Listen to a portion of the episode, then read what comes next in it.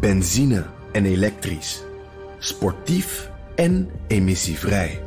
In een Audi plug-in hybride vindt u het allemaal.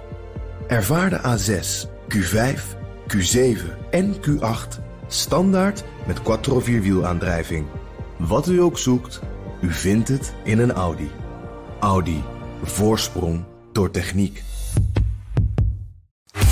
Tech Update.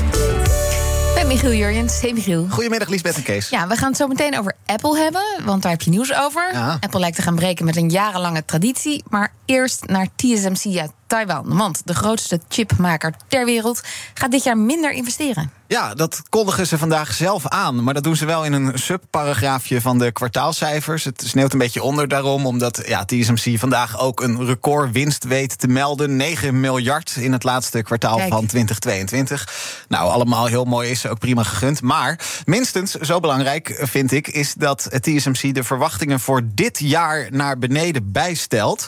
Het komende kwartaal al verwachten ze minder omzet te gaan draaien. Maar ook wat betreft investeringen gaat de rem er dus een beetje op. Afgelopen jaar ging er 36 miljard naar onderzoek, het bouwen van nieuwe fabrieken enzovoorts. Dat moet dit jaar 32 tot maximaal 36 miljard zijn. Eh, dan hebben we het niet over tientallen procenten minder, maar we hebben het wel over ja, miljarden euro's minder. Ja. Ja, en is dat dan weer een gevolg van de vraag naar chips? Hebben we het hier al heel vaak over gehad. Waarvan we weten dat het nu een beetje daalt, die vraag. Ja, maar ja, er worden simpelweg ja, minder smartphones, pc's, televisies eh, gekocht. Dat hebben we tijdens de coronapandemie massaal gedaan. We hebben er allemaal al Ja, eentje. je hebt niet na twee jaar weer een nieuwe tv nodig, als het goed is. Nou maakt TSMC niet alleen maar chips voor de consumentenelektronica. Ja, zij leveren ook aan datacenters, eh, supercomputers. Dat zijn segmenten die minder gevoelig zijn voor wat de wereldeconomie doet. Maar ja, het feit is, die consumentenelektronica, eh, dat gaat gewoon wat minder allemaal. Dus in die zin zeker een direct gevolg, ja.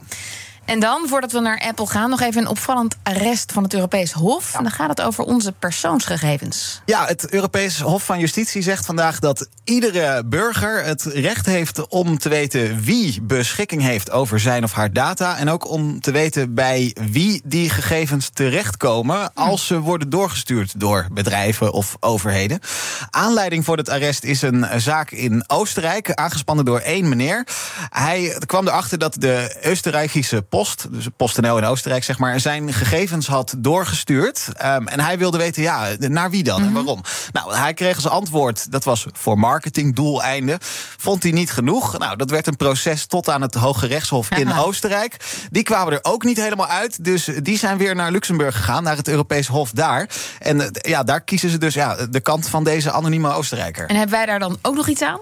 Nou ja, het, het betekent vooral dat de eh, General Data Protection Regulation, zo heet het in de EU, wij kennen het als de AVG, de Algemene Verordening Gegevensbescherming.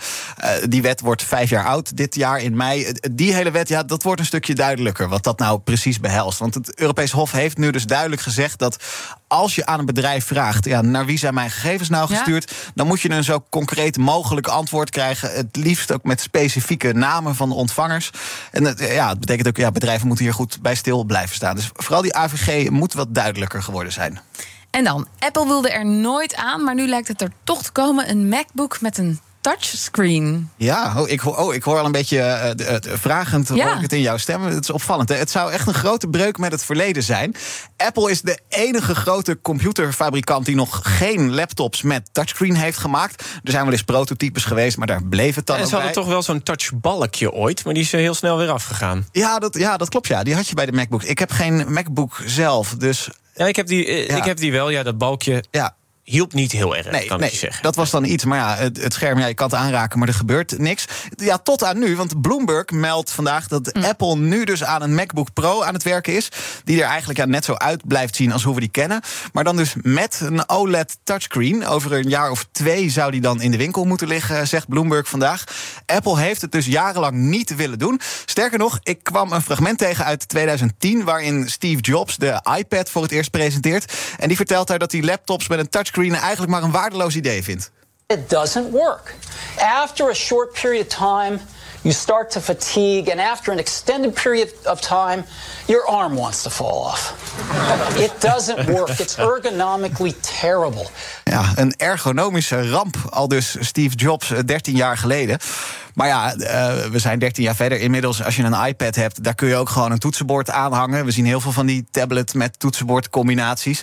Uh, alle grote merken die hebben laptops met touchscreens. Ik heb er zelf ook een. Ik gebruik dat niet heel veel. Nee. Maar het is bijvoorbeeld, als je een stuk tekst hebt en je wil even inzoomen, dan doe je dat snel met je vingers. Dat gaat net wat sneller dan dat je op control drukt en gaat scrollen, Maar weet je wel. Ik vind dat zo smerig. Want dan krijg je van die vingerafdrukken op je scherm. Dan zit je s'avonds Ja. een film te kijken. Ja. En dan zie je je eigen vette vingerafdrukken. Dat is een heel goed Of punt. die van iemand anders, nog erger. Dat is een heel goed punt, eh, inderdaad. En ja. concurreer je de iPad dan weer niet weg? Want straks kan je dan ook je scherm nog loshalen. En ja, dan heb je helemaal geen iPad meer nodig. Ja, dus je bedoelt, dan zitten ze misschien zichzelf een beetje in de weg. Ja. dat zou kunnen. Ja, iPads die zijn steeds meer op laptops gaan lijken door de jaren heen.